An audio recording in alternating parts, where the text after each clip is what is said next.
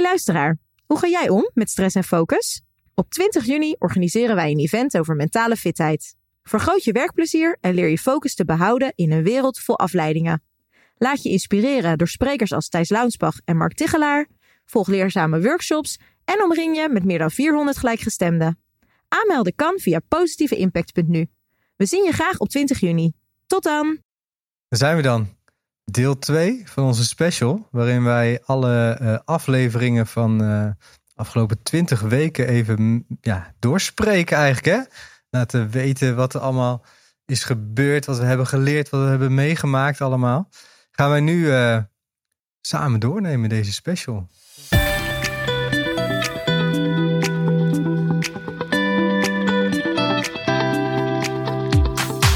Welkom bij de Duurzame Podcast.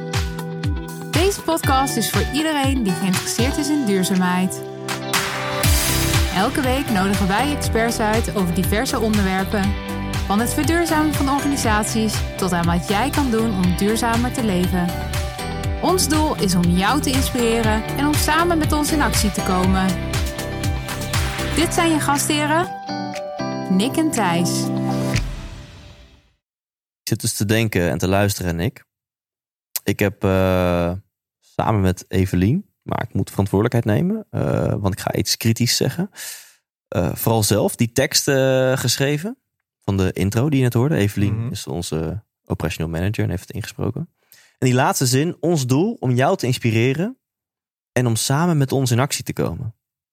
Volgens mij klopt dat eigenlijk niet grammaticaal gezien. Moet je zeggen, ons doel is om jou te inspireren en samen met jou in actie te komen. In plaats van samen met ons in actie te komen. Of om jou te inspireren en om samen in actie te komen. Nou, dan wou ik even ja, droppen. Ja, ik zit na te denken. Ik weet het niet. Ik, jij bent daar beter in, in die grammatica. Het luisteren denk ik, hm, nou, interessant. Ik denk dat Evelien het hartstikke leuk vindt om het opnieuw in te spreken. Die staat uh, te trappelen. Want we moesten bijna waken uh, dat zij niet gewoon ineens dacht... ik wil stemacteur, actrice worden. Mm -hmm. Ja, maar ze doet wel goed. Ik vind het een mooie intro. Hele toegankelijke stem. Ja. Hele toegankelijke stem. Doen we nog small talken of, of zeg je... hey, eyes on the prize, aflevering 11. Dan gaan we verder. Want uh, voor de luisteraar, vorige week hebben we aflevering 1 tot en met 10 van deze podcast even samengevat. En we ja. gaan nu verder aflevering 11 tot en met 20. Dus dit is een soort van recap. En helemaal als je denkt, mijn tijd is kostbaar, ik heb weinig tijd. Ik wil gewoon even in een half uurtje een samenvatting van 10 afleveringen. Blijf dan luisteren, want die samenvatting krijg je nu van aflevering 10 tot en met 20 van deze podcast. Ja, wat ik nog wel, misschien is dat wel leuk om nu te bespreken. Hebben wij het al best wel vaak over gehad. Om misschien voor bepaalde uh, bijvoorbeeld innovaties. Om daarvoor een, een, een, speciale aflevering, een verkorte aflevering op te nemen. Waarin we nou eigenlijk gewoon misschien in een half uur iets nieuwe, een nieuwe toffe innovatie laten zien. Want je hebt personen die heel erg actief ja. zijn in duurzaamheid. En daarvan wil je ook graag weten wat die persoon dan doet. Of ja, misschien wil ze het altijd wel weten, dat weet ik niet. Maar, maar soms heb je ook gewoon een, een product of een dienst wat super interessant is. Waar je gewoon eigenlijk uh, in, in, in, met een soort van aantal ja, vragen gewoon even wil doorzagen van wat is het, hoe werkt het en waarom is het, uh, uh, kan het van belang zijn voor, voor jou persoonlijk of zakelijk ja. of wat dan ook. En ja, daar zijn we nog een beetje naar aan het kijken van, moeten we daar af en toe ook een aflevering over opnemen? Volgens mij zijn we daar best wel enthousiast ja, over. Dat je een soort van short episodes krijgt die, die max een half uur duren of misschien wel nog korter, 15 ja. of 20 minuten. Waarbij je, natuurlijk met alle respect, maar waarbij je niet zegt van hé, hey, jij bent zo'n bekend persoon of een prominente naam in duurzaamheidsland. Dat we ook van jou je drijfveren willen weten. En dat we die rubriek met je doen. Wat is jouw klimaatspagaat? Dat je zegt, nou, dat is even wat minder relevant. Ja. Maar je bent wel oprichter of CEO of whatever van een nieuwe technologie omtrent laadpalen. Of je hebt een productieproces wat beton super CO2-neutraal maakt. Of je hebt iets heel handigs om je huis te verduurzamen. Of je hebt iets tofs in de opvoeding richting je kids om hun. Be- ja. Gewoon een heel tof product. En laten we het daar gewoon eventjes Precies. over hebben. 20 minuutjes. Uh, en, en dat we ook die start-ups gewoon echt een podium hier geven. Maar ook als luisteraar dat we jou gewoon kunnen inspireren met wat allemaal kan en mogelijk is. Ja, en dat het dan niet te langdradig allemaal is, maar gewoon to the point. Wat is het? Wat lost het op? En, en wat draagt het bij? Dat, dat is denk ik hetgeen wat je dan. Uh... Ja, dan zijn we. Ja, ik goeie. Ja. ja, ik ben ook wel benieuwd of de luisteraars dat leuk vinden. Dus misschien kunnen ze dat gewoon met ons delen. Ja. Maar dat, suggestie. eh, Dus laat, laat weten, dus ben jij of ken jij zo'n zo'n bedrijf, zo'n start-up, iemand die echt een podium verdient? Hè? Iemand Ja. waarvan je misschien tot deze aflevering dacht, ja, is niet een groot genoegen naam. Niet Nederlands, maar die naam is niet groot genoeg om in jullie podcast te, nemen. Dat maakt niet uit, maar is het product, is de dienst, is dat gaaf genoeg om hier een podium te krijgen? Mail ons. Op welk adres, Nick? welkom at deduurzamepodcast.nl. Ik weet hem gewoon. Maar dat is wel, de, eh, komen we straks nog op, maar de, bij de aflevering, Maurits Groen zei dat ook mooi, van eh, hoe kan ik helpen? Zegt hij aan het eind bij hoe, eh, de aflevering daarna. Oh ja, over de afval-app. En eh, komen ze allemaal nog op hoor, met de naam ook. En toen zei hij gewoon, ja, hoe kan ik jullie help, verder helpen? En dat vind ik met deze podcast ook heel mooi. Dat we dat soort innovaties dan gewoon een podium kunnen geven. En, ja, en dat we eigenlijk ook, ook de luisteraars zo'n innovatie misschien wel verder kunnen helpen. Ja. Dat is eigenlijk wat eh, het doel moet zijn. Heel tof. Laten we beginnen. Met te veel geluld. Koffiedik. Staat groot in mijn beeldschermpje op de iPad. Eh, dat is Brit Breuren, de, niet alleen de HR-directeur, maar ook de MVO, ofwel CR, Corporate Responsibility, directeur van AVAS. Janik, wat is dan het eerste wat in jou opkomt als je terugdenkt aan dat waanzinnige gesprek met deze energieke vrouw?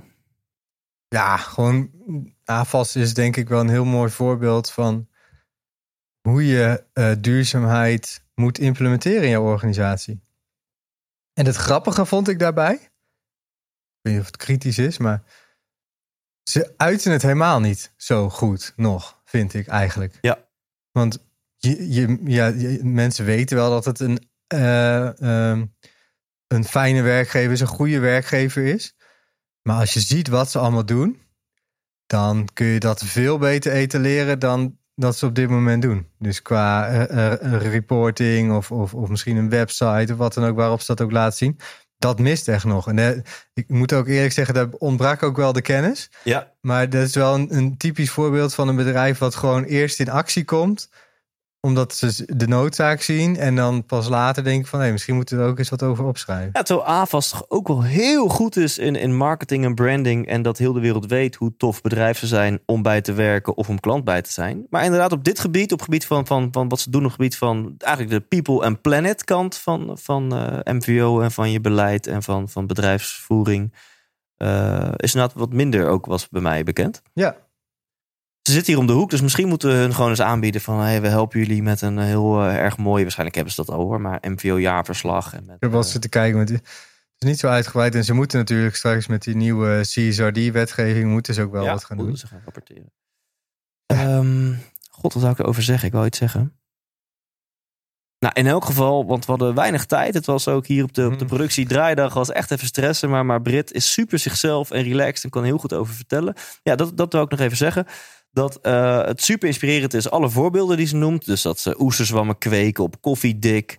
Eh, dat ze geen eh, bedrijfskantine hebben, maar echt een bedrijfsrestaurant. Dat het ook altijd mensen zijn van AFAS. Dus ook de koks die daar in het restaurant zijn. Dat zijn niet ergens ingehuurd van Sodexo of zo. Nee, gewoon op de AFAS loonlijst. En, en, en dat vind ik ook een hele mooie maatregel. En die, die kookt eh, verantwoord mogelijk voor, voor alle AFAS'ers. We hebben zelf padelbanen geloof ik. Delbaan op het terrein. Ja, als je ooit langs Leusden rijdt, ga pakken, want het is naast de snelweg. Pak even die afslag. eh, gewoon afslag Leusden. En binnen één minuut ben je bij het AFAS-terrein. Het is echt een soort van Silicon Valley-achtig Mhm. achtig hoofdkantoor.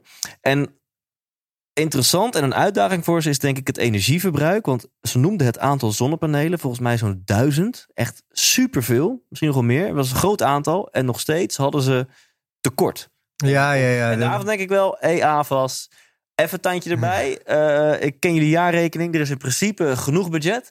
Kijk hoe je dat hele mooie nieuwe pand in Leusden zo snel mogelijk zelfvoorzienend kan maken. Dat lijkt me wel heel erg eh, kicken. Zeker. En als ze hulp bij nodig hebben, dan horen we het wel. En dan rollen we in aflevering nummertje 12 eh, met Charlotte Ekster Katten, auteur, mede-auteur van het boek Klimaatwerkers. Ja. Ja, en het ging met name in het gesprek over hoe jij als medewerker het verschil kan maken. Ja. Ook op het gebied van duurzaamheid. Dus hoe je dat eigenlijk in jouw organisatie kan zwengelen. Hè? Om, de, om, Ja. om, om daarmee aan de slag te gaan. Want eh krijgen wij ook heel, best wel vaak vragen van... Ja. Ja. ja, ik werk, ik werk daar en daar en ik wil zo graag eh, de, de, ook eh, met duurzaamheid aan de slag. Maar ik weet niet waar ik moet beginnen. Nou, daar heeft Charlotte een heel boek over geschreven. Met allerlei eh, eh, theorieën en, en, en, en, en, en stappenplannen eigenlijk. Om, daar, om dat voor elkaar te krijgen. En dat, ja, dat, dat is eh, waar we het over hebben. In dat, eh, Ja, dus ben je meer van theorieën? Check dat boek Klimaatwerkers. Ja. Wil je gewoon even kort de samenvatting en vooral de inspiratie? Check dan aflevering 12 van deze podcast. Want voorbeelden inspireren het meeste. Ja. En ze noemt een aantal voorbeelden, bijvoorbeeld van Interface, die tapijtenboer. dat heeft ze ook gewerkt, toch? Ja. ja. eh, zeg ik heel oneerbiedig, maar gewoon dat tapijtenbedrijf, tapijtenproducent.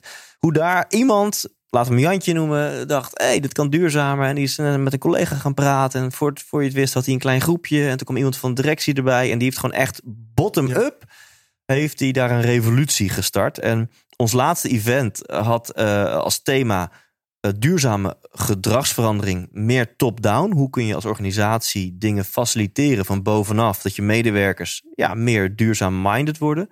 Maar als volgende event gaat misschien wel, of een van die events dit jaar gaat misschien wel meer over bottom-up. Dus, dus was zo'n belangrijk onderwerp wat je Charlotte aansneed, dat we het daar nog wel vaker over gaan hebben. En misschien wel het thema van een van onze events dit jaar van gaan maken. Van hoe kun je dus, nou wat jij zo mooi net zei Nick, als medewerker, als je enthousiast bent, maar misschien de organisatie waar je voor werkt, heeft nog niet echt een beleid of doet nog te weinig. Hoe kun je dan als medewerker die revolutie bottom-up gaan starten? Zeker. Aflevering nummer 13, ja, die, die, moeten eigenlijk een soort van overslaan. Want het is een aflevering van, van jou en mij. Waarin we promotie deden over eh, het event wat toen op de planning stond. Wat dus ging over top-down duurzame gedragsverandering. Maar dan misschien leuk om jou te vragen, Nick. Wat is, heb, is jou het meeste bijgebleven van dat event? Oh, nou, wa- wat sowieso. Het was na twee jaar weer een event met publiek erbij. Dus wat heel leuk was, was überhaupt gewoon de verbinding om die weer te zien. Er waren 400 eh, gasten aanwezig tijdens het event. En echt zo leuk eh, om, om- om, om iedereen weer bij elkaar te zien. Dat mensen weer met elkaar netwerken waren, ideeën uitwisselen met elkaar. En ook heel veel podcastluisteraars gesproken. Dus dat was ook, ook voor mij wel heel leuk. Dat, eh, dat je dan ook de, die, die verbinding eh, krijgt, zeg maar. Dat je, Ja. Ehm, ja, en, en, en, en, en natuurlijk het event ging over duurzame gedragsverandering. En had een hele goede spreker, Aitja Zapora. Ja. Zapora. Dat, die was wel heel goed. Hoe die eh, liet zien eigenlijk hoe je brein werkt. En hoe je dat vervolgens dan eh, eigenlijk ook kan inzetten. Ja. Zo, echt, eh, echt heel tof. Ja. Ja, dat, dat misschien, nou, die toestemming gaan we ik niet krijgen. Maar ik wou zeggen, misschien kunnen we dat online zetten, want we hebben het gefilmd. Maar dat gaat helaas, denk ik, niet lukken. Ehm, Goede spreker. ja, dan zou, dan zou het sterk zijn als ik een anekdote uit haar spreekbeurt kan, kan delen. In elk geval werd het heel duidelijk hoe, volgens mij in haar mening, 98% van je gedrag onbewust is. En maar 2% is bewust. En die 98% onbewust, die wordt veel meer geregeerd door je reptielbrein en je sociale brein, die echt zijn geprogrammeerd om te overleven, om bij de groep te horen, dan jouw wat nieuwere brein, jouw mensbrein. Waarmee je denkt dat je alles doet, waarmee je dus kan beredeneren, analyseren, risico's kan afwegen. Maar dat is eigenlijk maar 2%. Dus wil je duurzame gedragsverandering effectief inzetten, of überhaupt gedragsverandering, moet je in gaan spelen op die 98%. Nou, nu weet ik het wel. Een concreet voorbeeld. Speel dus in op, op je reptielbrein, oftewel je luie brein. Zorg er daarom voor dat de, de route die jij wil dat mensen nemen, dat dat de route is van de minste weerstand. Concreet voorbeeldje, wil je dat mensen op kantoor wat, wat betere keuzes maken voor hun gezondheid, zorg er dan voor dat zeg maar, de kan met water en de schaal met appels en peren, dat die gewoon op tafel staat en super makkelijk te pakken is. Ja. En dat de chips en de koffie wat verder weggestopt is. Dat je daarvoor echt even moet lopen of je best voor, eh, voor moet doen. Ja. Klinkt super eh, eenvoudig, maar de zaal was blown away van dit soort eh, simpele inzichten. En het werkt dus gewoon echt. Dus, Ja. dus speel in op die 98%. Maak, de, maak het gewenste gedrag. maak daarvan de weg van de minste weerstand. Want dan gaan mensen het doen. Klopt. Dat was dus aflevering eh 13, om maar zo te zeggen. Gaan we naar aflevering 14 met, ja, Thatcher Peskens Ja. van Leaf Cloud. Ja, ook een tof interview. Ehm, ja, eigenlijk is daar denk ik één ding uit te halen wat super interessant is. En dat is dat uh, op dit moment er helemaal niks wordt gedaan met de restwarmte in datacenters. Want daar hebben we het over gehad. Hè? Over, ja. over uh, uh, serverparken, datacenters. Waarin dus al je, onze data wordt, wordt opgeslagen van, van alle bedrijven, ook van e-mails en noem maar op. Um, en daar wordt dus op dit moment niks gedaan met de, met de warmte die vrijkomt van die servers. En daar heeft LeafCloud heeft daar wat op bedacht. En die hebben gezegd van nee, gaan die servers niet in aparte hallen neerzetten. Maar we gaan dat opslaan in, in, in appartementengebouwen of in, in, in, in, uh, in zorgcomplexen en noem maar op. Waarbij ze de warmte die vrijkomt van die servers, en dat is best wel veel, eigenlijk inzetten om die gebouwen te verwarmen. En dat is echt niet genoeg in de winter. Maar het is wel een soort van basisverwarming die je daarmee creëert. Ja. Uh, en dat doen ze dus. Dus eigenlijk niet meer uh, grote hallen bouwen met serverparken, zeggen hun. Maar gewoon alles uh, decentraal in, in, in woonzorgcomplexen en noem maar op. Dit is echt een voorbeeld van zo'n aflevering waar je het eerder over had. In deze aflevering van ja, dit is zo'n tof initiatief. Ja. Daar willen wij een podium voor bieden. Ja. Um, ik wil er twee dingen aan toevoegen, want wat heb je het mooi samengevat, Nick. Dankjewel. Gewoon gepassioneerd, goed gearticuleerd. Hè? Duidelijk, ja. Uh, ja. geen beugel. um, ik wil er twee dingen aan toevoegen. Eén, want jij zegt restwarmte. Nou ja, niet restwarmte, gewoon warmte. Want wist je, lief luisteraar of kijker, dat een server, een serverpark, 100% van de energie die erin gaat, omzet in warmte. Het is gewoon een cv.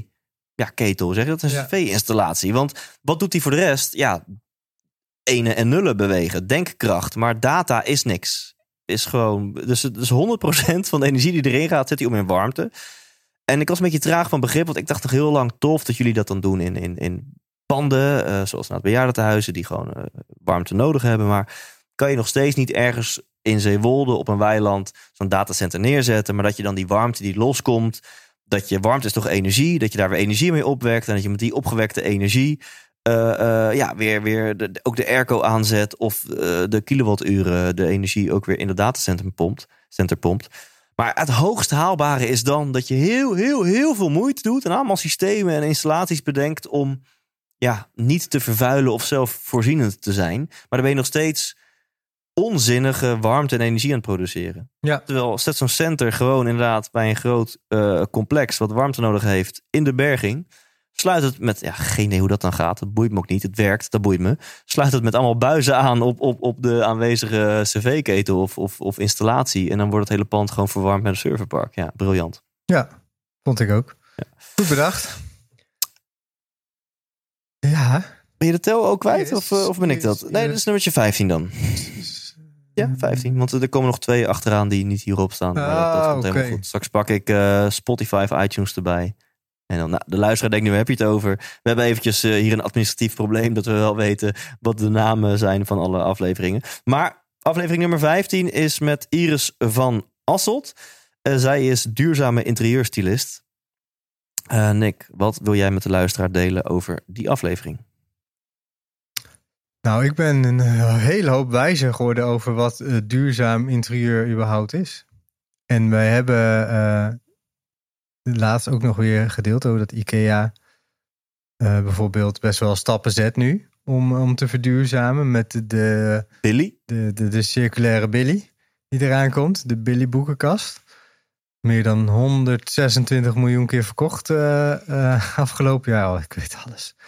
en, eh, maar ja, dat is dus allemaal niet zo duurzaam. En uiteindelijk gaat het er gewoon om dat je ook je bestaande spullen gewoon kan hergebruiken. Dus beter iets goed kopen voor de komende eh, eh, 100 jaar dan allemaal van die troep eigenlijk. Ja. Dat wegwer wegwerpen houdt. Dus dat is mij wel, wel bijgebleven. En zij helpt dus ook mensen om, om te kijken van nou, wat kun je dan weer hergebruiken. En ja, ook, ze, ze heeft ook weer op de Instagram is ze heel erg bezig met, met eh, eh, wat je allemaal bijvoorbeeld wat ze bij kringloopwinkels en zo tegenkomt. Dat zijn vaak kwalitatief betere spullen dan eh, wat je bij de Ja. Ikea of de Ja. seats en sofa's haalt. Ja, die oudere spullen zijn vaak gewoon wat robuuster. Gewoon massief hout Ja. en eh, goede bekleding en dat soort dingen. Ja. Ja, dat Ja, is mij bijgebleven. Laat ik iets sufs en iets inspirerenders delen. En het suffen, dat klinkt negatiever dan ik het bedoel. Maar ze noemden in mijn ogen een beetje de trias energetica van een duurzaam interieur. Want wij wilden weten, ja, wat is dat dan, een duurzaam interieur? En dan ga ik nu proberen de trias energetica met je te delen. En dan merk je ook wel als het gaat om interieur, ja, is het misschien toch wel wat, ja, misschien wat saaier of somberder dan je, dan je dacht om dan een duurzaam interieur te hebben. Nou, wat is de trias energetica? Dat zegt als het gaat om bijvoorbeeld energieverbruik, uh, probeer eerst zo min mogelijk energie te verbruiken. Want alles, alles wat je gewoon niet verbruikt, hoef je, is geen vervuiling. Hoef je ook niet duurzaam op te wekken of te compenseren. Volgens zegt de trias energetica, de energie die je verbruikt, uh, zet die zo uh, efficiënt mogelijk in. Hè, dat die ene kilowattuur zo, zo, ja, zo, zo impactvol mogelijk is. Um, dus uh, duurzame waterkokers en wasmachines die zuinig met energie omgaan, om bijvoorbeeld te noemen. Of een klimaatinstallatie, wat gewoon heel erg efficiënt werkt. Stap drie is dan, ja, oké, okay, dat kleine beetje energie, wat je dan nog zo efficiënt mogelijk gebruikt, zorg ervoor dat je dat in elk geval groen opwekt. Hè, dus met zon of wind of water. En dan kun je nog een soort van, ja, hij is multi-interpretabel worden, trios energetica. Dus dit is mijn interpretatie. Ik zie nog een soort van bonusstap. Het zou eigenlijk de quadras energetica moeten heten. Oh. Ik heb geen idee hoe je vier in het Latijn zegt. Maar goed. Uh, uh, uh, de quadras energetica, dat is stap 4, bonusstap. Ja, oké. Okay. En dan wat dan nog overblijft, of zelfs groene energie heeft ook een footprint. Doe dat dan compenseren. Hè? Dat is dan de laatste bonusstap. Nou, zij vertaalt hij naar interieur. Dat houdt dus wel in dat je heel erg op zolder gaat kijken naar oude spullen en op de kring lopen en opnieuw stofferen. En, en, en mm -hmm. dan toch dat bankstel van opa, nog een nieuwe, weet je wel. Dat je denkt, nou, kan dat niet leuker?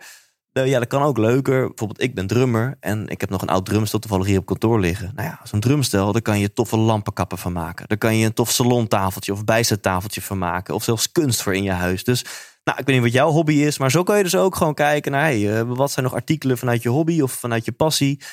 En uh, dan kan je die gewoon gebruiken in je interieur. Wij hebben gewoon hier nepblaadjes aan de muur hangen. Die uit een etalage komen. Oh, dit was ooit een etalagestuk. Dus het heeft nu een nieuw leven hier bij ons als decor. Mooi hè? Super mooi. En dat, dat hout was ooit een boom. Uh, dat hout was ooit een boom. en dat was wel FSC. Ik heb het FSC-stickertje eraf moeten pulken toen jij bij de karwei ja, nee, nee, nee, nee, plaat hout had gekocht. Nee, maar ik bedoel ook het logo. Die hebben we niet zelf uitgesneden. Tenminste, ik er niet. Nee, dat klopt. Ja. Nummertje goed 16. verhaal. Ja. Maurits Groen. Ja, Nick, de floor is yours. Wat, wat wil jij delen als je denkt aan het interview met de Nederlandse El Gore, Maurits Groen? Ja, Maurits, Maurits is, is, is gewoon een, een waanzinnige ja, ondernemer. Ja, is, ja, het is een ondernemer, maar vooral een verbinder, denk Ja. ik. En eh, ehm, hoe, je- hoe, hoe je ziet. Ja, ik, volgens mij was het eh, aan het begin van deze. Nee, dat was de vorige aflevering. Dat, dat, hij, dat hij uiteindelijk ook ons weer helpt. En ook buiten de aflevering om. Van, en, en, en ook de, de gast die de week daarna kwam. Met om, om hem weer een podium te geven. Dus Ja. Die man is zo constant bezig met hoe kunnen we elkaar verder helpen in duurzaamheidsland.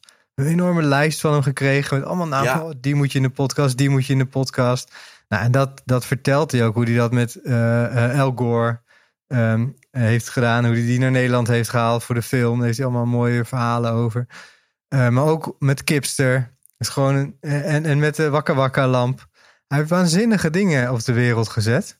Maar het is een, eh, gewoon, ja, het is gewoon nog zo gewoon gebleven. Het is echt wel bijzonder. En, eh, en nog steeds eigenlijk gewoon constant aan het, aan het verbinden. Ja. Mensen aan het verbinden met elkaar. En iedereen in de duurzaamheidswereld kent Maurits ook. Maar, en dat is niet voor niks. Want Ja, laat ik een korte anekdote en hopelijk inspireert dat het meeste eh, uit die aflevering met je delen. Ehm, want inderdaad, wat jij zegt, je voelt echt zijn duurzame hart en dat, dat inspireert. Los Ja. van de dingen inhoudelijk die hij zegt. En toen wij hem daarnaar vroegen van waar is die passie ontstaan, en dat is denk ik heel tekenend voor zijn mindset. Hij zei, ja, maar als, als kindje, en toen was, het ging het nog niet eens om duurzaamheid. eh, eh, maar toen al was hij ermee bezig, omdat hij erachter kwam dat het mogelijk was om kranten te recyclen tot nieuwe kranten. En dat was hier, ik veel, 6, 7, 8. En dat hij al als kindje dacht van, maar hoe gaaf is dat? Waarom, waarom doen we dat dan niet 100%? ja, Als je gewoon van een oude krant... En hij dacht, hoe werkt het dan als jochie, weet je? Nou, ik ben volwassen, ik weet nog steeds hoe het werkt. Maar hij dacht, hoe werkt het dan? Maar het werkt blijkbaar. En hoe gaaf is dat? Dan maak je van de oude krant een nieuwe krant. En hoef je dus geen boom te kappen om een nieuwe krant te maken. Nou, en toen is als jongetje kranten gaan inzamelen en al dat soort dingen. ja. En die mindset die is gewoon die is hem bijgebleven. En later heeft hij natuurlijk geleerd dat het niet alleen goed is om die boom te redden, maar dat het ook nog eens essentieel is, omdat we gewoon echt een eh, groot probleem hebben met z'n allen. Maar dat, dat vond ik gewoon heel mooi. Gewoon die mindset van een jonge Maurits die, die nu... Nou, hij, is, hij ziet er hartstikke fit uit, maar hij zal zeker 50 plus zijn, eh, denk ik. Die heeft, Mhm. heeft hij gewoon nog steeds. Ja, ja. Hij is heel gewoon gebleven. Ja. Ondanks alles wat hij heeft bereikt. Wie niet gewoon is gebleven... Nog, man. Nee, nee. ik dacht ik moet een bruggetje. Nee, eh, wie ook gewoon is gebleven is Joost Kamermans. ehm, oprichter van Senons of Sinons. Sinon, Sinons, Sinons. volgens mij. Neem de luisteraar even mee, want die weet mogelijk niet wat, wie en hoe Sinons is en wie Joost dan is. Ja, maar dit, dit is ook denk ik zo'n mooi voorbeeld van een innovatie. Ja. Die, ze, die, die Joost heeft eh, ontwikkeld. Om, ja, het is eigenlijk een app waarin ehm, producenten van afval, of nou, mensen die afval hebben, Ja, bedrijven met name. Ja, ja dus eh, eh, ja, bedrijven die afval hebben, hun afval kunnen aanmelden. Ja. Dus te zeggen, ik heb, eh, weet ik veel, een container rubber staan, een container papier, zoveel restafval. En dan die app, die regelt vervolgens dat al die verschillende afvalverwerkers dat ophalen op zo efficiënt mogelijke manier. Ik Ja. qua transport te noemen. En, en dan moet je me even helpen. Volgens mij is het ook zo dat je dat ook bedrijven kunnen zeggen van hey, ik heb eh, ik kan van jouw afval is voor mij een grondstof. Ja. Dus dat dat meteen ook aan elkaar eh, gelinkt wordt. Ja. Dus het is in plaats van op de traditionele manier dat gewoon alles naar één dezelfde afvalverwerker gaat, gaat deze app echt kijken van wie waar voegt dat afval eigenlijk de meeste waarde toe. Ja. Zo zou je het kunnen omschrijven. Ja, dus hij brengt gewoon een soort van marktplaats. Hij brengt dus vraag en aanbod Ja. omtrent met name dan bedrijfsafval of organisatieafval, want ook van ziekenhuizen. Vraag en aanbod brengt die met elkaar in contact. En dat vind ik zo'n mooi voorbeeld van een win-win-win. Het is dus prettig voor het bedrijf, want die hoeven vaak minder te betalen voor de aflevering van hun afval. Het is prettiger voor de, de bedrijven die daar wat mee kunnen, want die kunnen dat dan ophalen en kunnen daar nieuwe producten van maken. En het is prettiger voor het milieu, eh, want eh, ja, je bent aan het, eh, aan het hergebruiken en afval als grondstof in aan het zetten. Dus ik, bijna elk afvalbedrijf, met alle respect of met beperkte respect, durf ik wel eerlijk te zeggen, hè, want die maakt ook een marketing dingetje van. Elk afvalbedrijf heeft nu leuzen als ehm, waste no more. En elk afvalbedrijf zegt, Afval zijn geen bestaat afval, niet. afval bestaat niet. We zijn een grondstoffenbedrijf. Terwijl, nou, luister die podcast voor wat cijfers.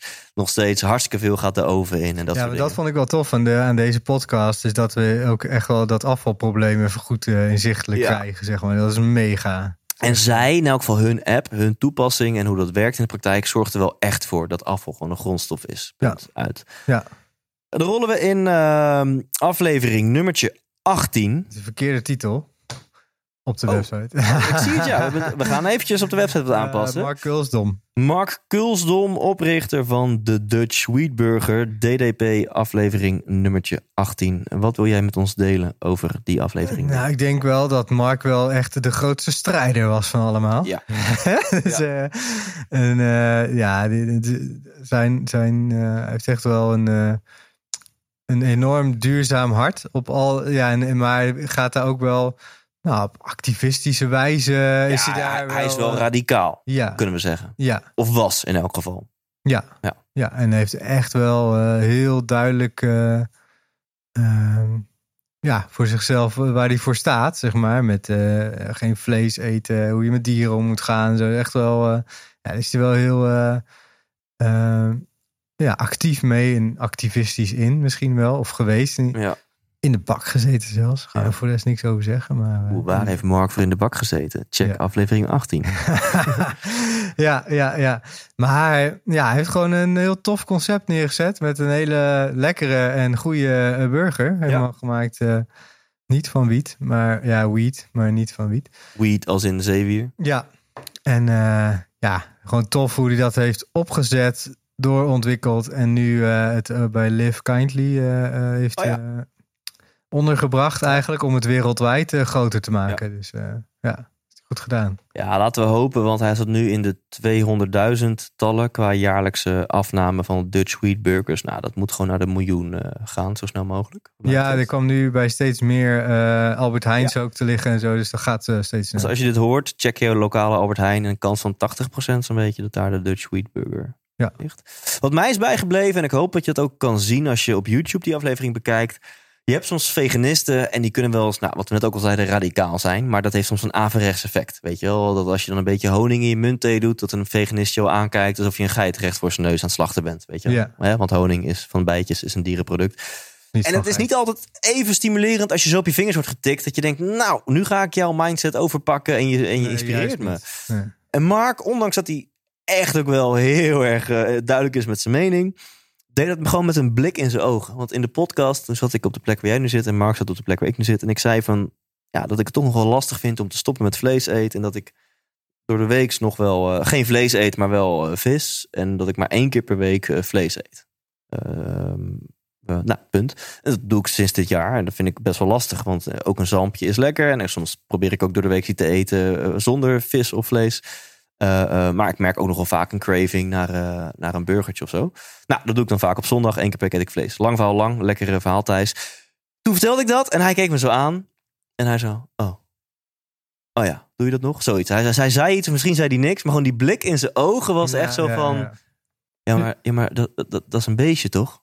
Eet je dan gewoon een dood, een dood beestje? Weet je wel? En, Ja, en gewoon ja. die blik in zijn ogen. Ik voelde me echt, ik keek ook een beetje weg. Echt zo van, oh ja, ja, dat is, ja, oké. En die, die, die inspireerde me echt. Zonder dat hij daar iets belerends over zei. Eh, dat raakte me wel. Ja. Ja, klopt. Ik, ik begrijp, weet je, ik, ik vind het moeilijk om te omschrijven, maar ik, ik zag die blik ook. En ja, ja het was echt, Echt een eh, beetje zo heel logisch van... Maar, maar een, een dood beestje, weet je wel? Dat, hè, dat eet je toch niet? En eh, nou, we hadden het laatst over kweekvlees. Hè, dat, dat er al voorspellingen zijn dat misschien... Kan je nooit voorspellen, maar dat misschien over 200 jaar... dat we dan kweekvlees zo normaal is. Hè? Dat is gewoon in een laboratorium. Daar is geen enkel diertje voor geslacht. Dat we over 200 jaar misschien eh, eh, terugkijken op nu... zoals we nu terugkijken op de slavernij. Dat we echt dan denken van wow, dat we gewoon ooit zo massaal beesten hebben geslacht voor consumptie. Ja, dat denk, ja, ja, nu je dat zo zegt. Zou Nou, kunnen. aflevering 19. Hey, lekker. Aflevering 19, lekker high energy, is Ja. eh, met Pieter Pot. Oh ja, ja. Oftewel, Jury Schoenmaker. Jury Schoenmaker. Ja, eh, was echt vlak. Het was op de dag dat ze ook eh, het event hadden, omdat ze eh, eh, het Pieter Pot event. Ja. Want ze hadden eh 3 miljoen Verpakkingen bespaard. Ja, bespaard die dag. Dus ze hebben een heel event van gemaakt. Het is gewoon, ja, voor ons, wij, wij, wij, wij, kenden Pieter Pot een beetje qua naam sowieso. Want we vroegen ook op ons event wie kent Pieter Pot. Iedereen kent Pieter Pot. Ehm, dus het concept, hè. Ja. is geen mens. en ehm, ja, de, de, de- wij waren vooral benieuwd hoe, hoe, hoe dat nou werkte met die verpakkingen. Hoe je eh, iets wat verpakkingsloos kan bezorgen. Dat was voor ons eigenlijk de vraag. Nou ja, heel simpel. Ga ik het vertellen of ga ik... Ja, zou ik ja, Ja, vertel het gewoon. Want we hebben eigenlijk, we zitten de hele tijd te zeggen: luister die aflevering, luister die aflevering. Terwijl we in de intro beloven we, je krijgt een samenvatting. ja. Dus dan moeten we die samenvatting ook geven. Dus eh, deel het. ja, en we doen gewoon alles in glazen potten. Dat was de cliffhanger. Ja, ja. Ja. in verschillende maten. En eh, ze hebben dus uitgezocht dat als je zo'n glazen pot minimaal tien keer gebruikt, Ja. dan is het eh, eh, eh, ehm, milieuvriendelijker, zou je kunnen zeggen. En meestal gaat zo'n pot minimaal 40 keer mee. Ja. En eh, ja, hun leggen uit, en eh, dat snap ik ook, hun grote bottleneck zitten met name in, in, in de mensen in het, in het herbestellen. Ja. Dus op een gegeven moment, eh, eh, je, je- je kan havermout bestellen, pindakaas, eh, Ja, koffie, melk, noem maar op. Ja. Alles in potten. Maar ja, op een gegeven moment is de, is de, is de koffie op, maar de kaas nog niet. Of de, de, de koffiemelk, of weet ik veel wat. Waardoor je eh, niet zo snel weer een grote bestelling gaat doen. En daar, dat- is waar, waar hun nu Ja. nog tegenaan liepen. Van, ze hadden volgens mij 60.000 mensen die in ieder geval een inlog hebben Oh ja, aangemaakt. op pieterpot.nl. Ja, en ze groeien ook waanzinnig hard. Maar dat zijn van die dingen. En dat vind ik juist dan wel tof om ook van hun te horen. Van, je bent ergens mee bezig en je bent er nog niet. En er zijn altijd dingen die dan weer, weer beter kunnen, zeg maar. En, en, en, maar wees daar dan transparant over. En dat doen hun ook. Van ja, weet je, Ja. ja. we, we, we, we zijn er nog niet. En we doen nu alles met de post. En dat doen we zo eh, eh, milieuvriendelijk mogelijk. Maar het- we zijn er nog niet. De, Ja. En dat, dat vind ik wel, eh, wel cool. Ja, je, je noemt ook een paar versproducten. Volgens mij zijn ze daar nog echt mee bezig. Dus het is, het is nogal beperkt qua versproducten. Maar in elk geval de voorraadkastproducten, die kun je daar gewoon allemaal kopen. En de wijn. En de, borrel. wijn, de borrelt dat dan wel. En wat mij heel erg is bijgebleven, is dat hij het uiteindelijk ook gewoon leuker maakt. Want ook hiervoor geldt wel, het is een, misschien een tikkie duurder. Eh, het is een tikkie meer moeite. Je moet ook statiegeld betalen voor die potten. En, en, en je moet dan ineens je keuken ombouwen en alles. Eh, Opbouwen. nou ja, je moet ineens je moet dingen anders gaan doen. Dus het, Ja. het is even, het is even een omslagje. Maar ja, ik noem maar wat. Als, als vissen je hobby is, dan geef je daar ook duizenden euro's aan uit. En dan ga je ook allemaal moeite doen om, om die hobby te kunnen uitvoeren. Als iets leuk is, is het niet erg dat het misschien wat meer moeite of geld kost. En wij merkten gewoon in, in die aflevering, allebei hadden wij zoiets van...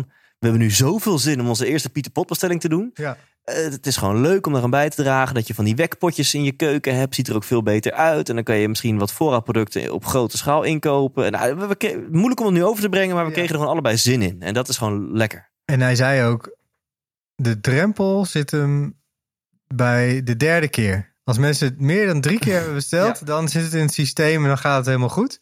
Maar je, je moet dus even doorzetten. Ja.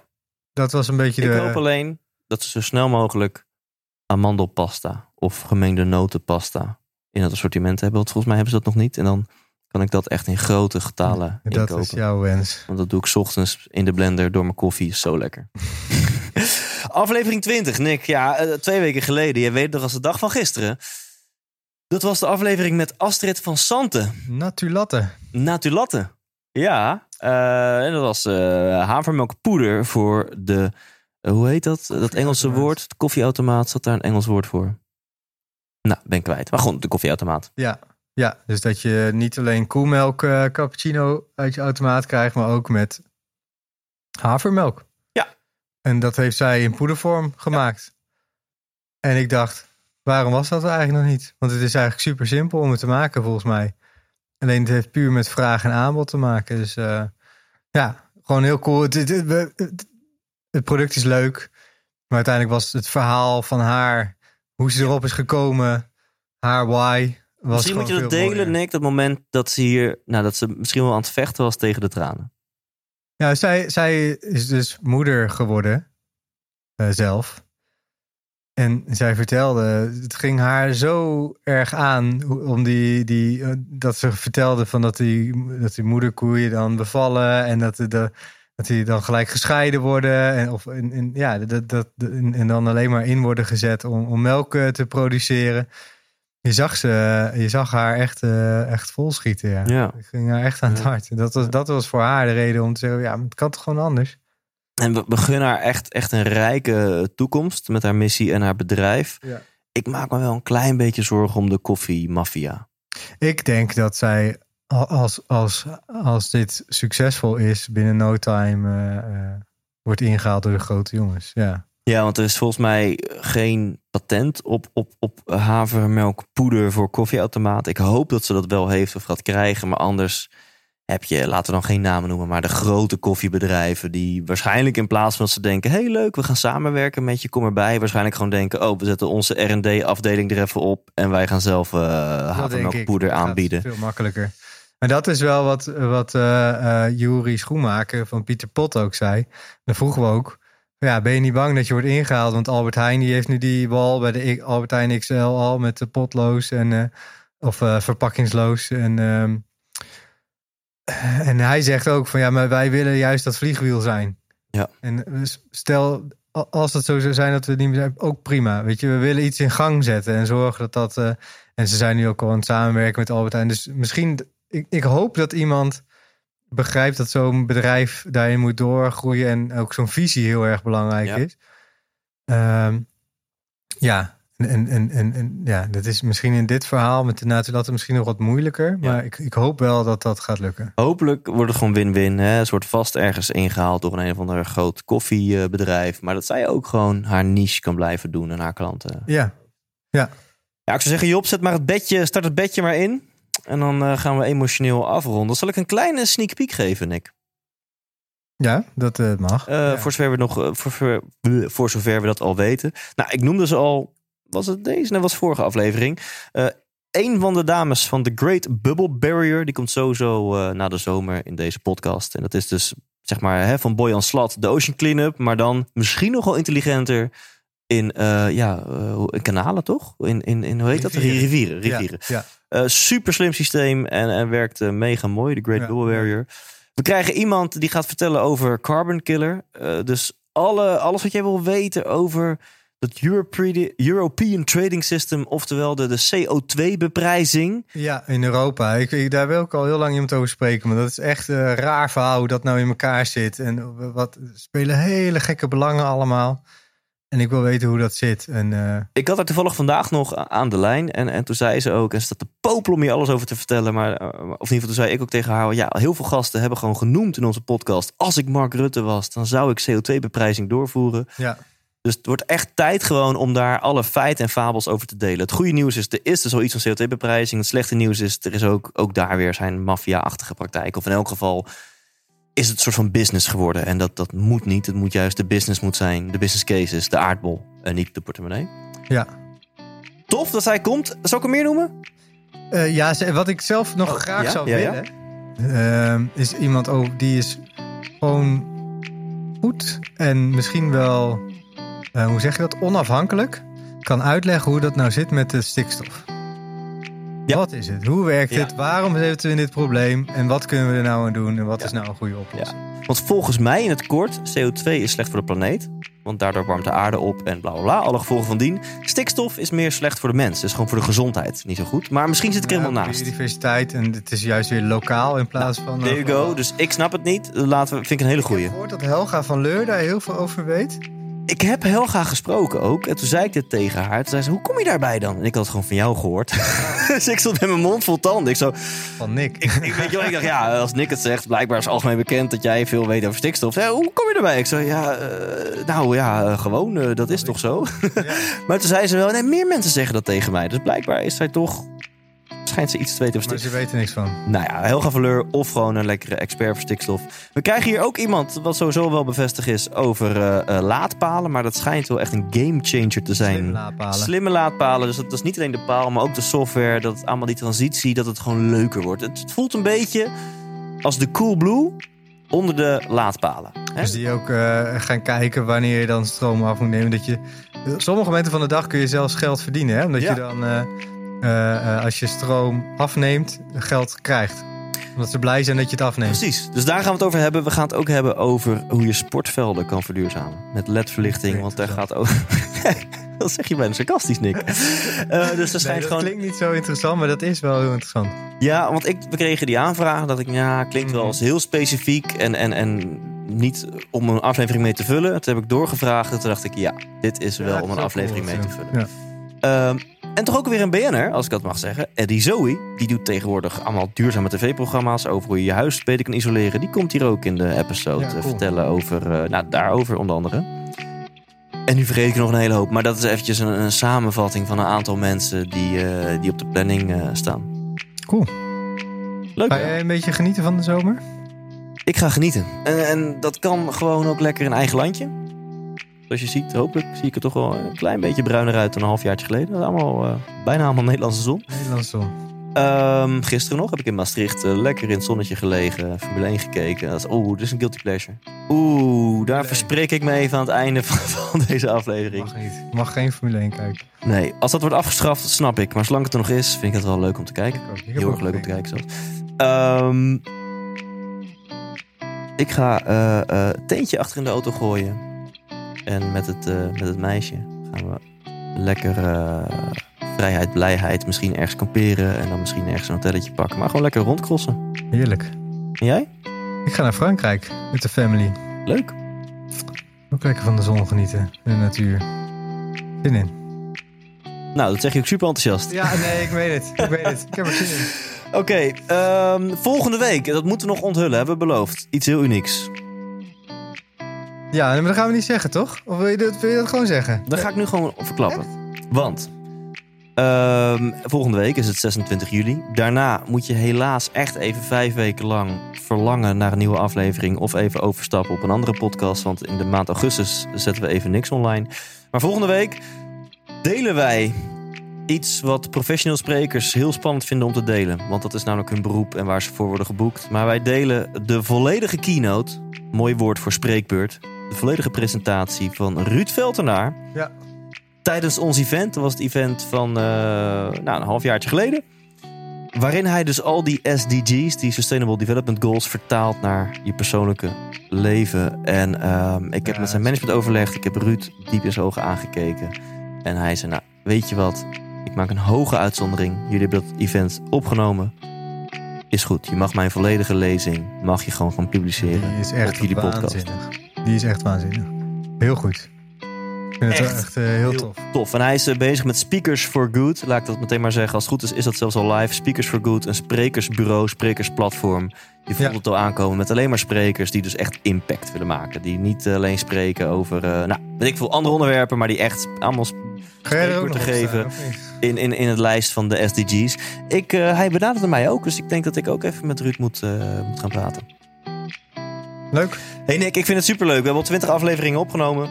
22 met deze bonus episodes Ja. erbij. En eh, we gaan kei, keihard door. We Eh, worden er- steeds beter, hè, ook. Ja. Vind je niet? Ja, we, worden steeds beter op elkaar ingespeeld ook. Ja, joh. We moeten toch wennen. Jij hebt de 250 alleen gedaan. Ik had er nog een één gedaan. Ja. Het is al voor allebei eh, nieuw. Ja.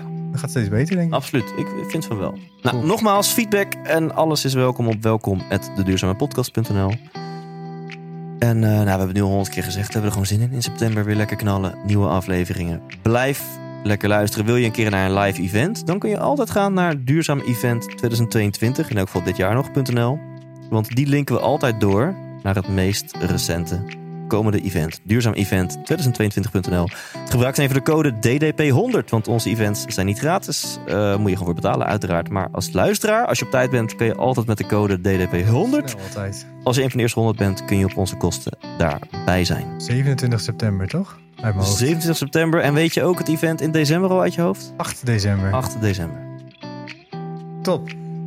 Fijne vakantie, Yes, duurzame dankjewel. vakantie. En veel plezier volgende week met Ruud. En tot na de zomer. Wij zijn Senso, de duurzame adviseurs van Zakelijk Nederland. Vanuit bevlogenheid kijken we altijd naar de beste manier om verduurzaming te realiseren. Wij adviseren, maar kunnen onze adviezen ook uitvoeren. Van duurzaam advies tot laadpaal, wij zijn jouw partner voor verduurzaming. Wil je aan de slag? Kijk dan op senso.nl.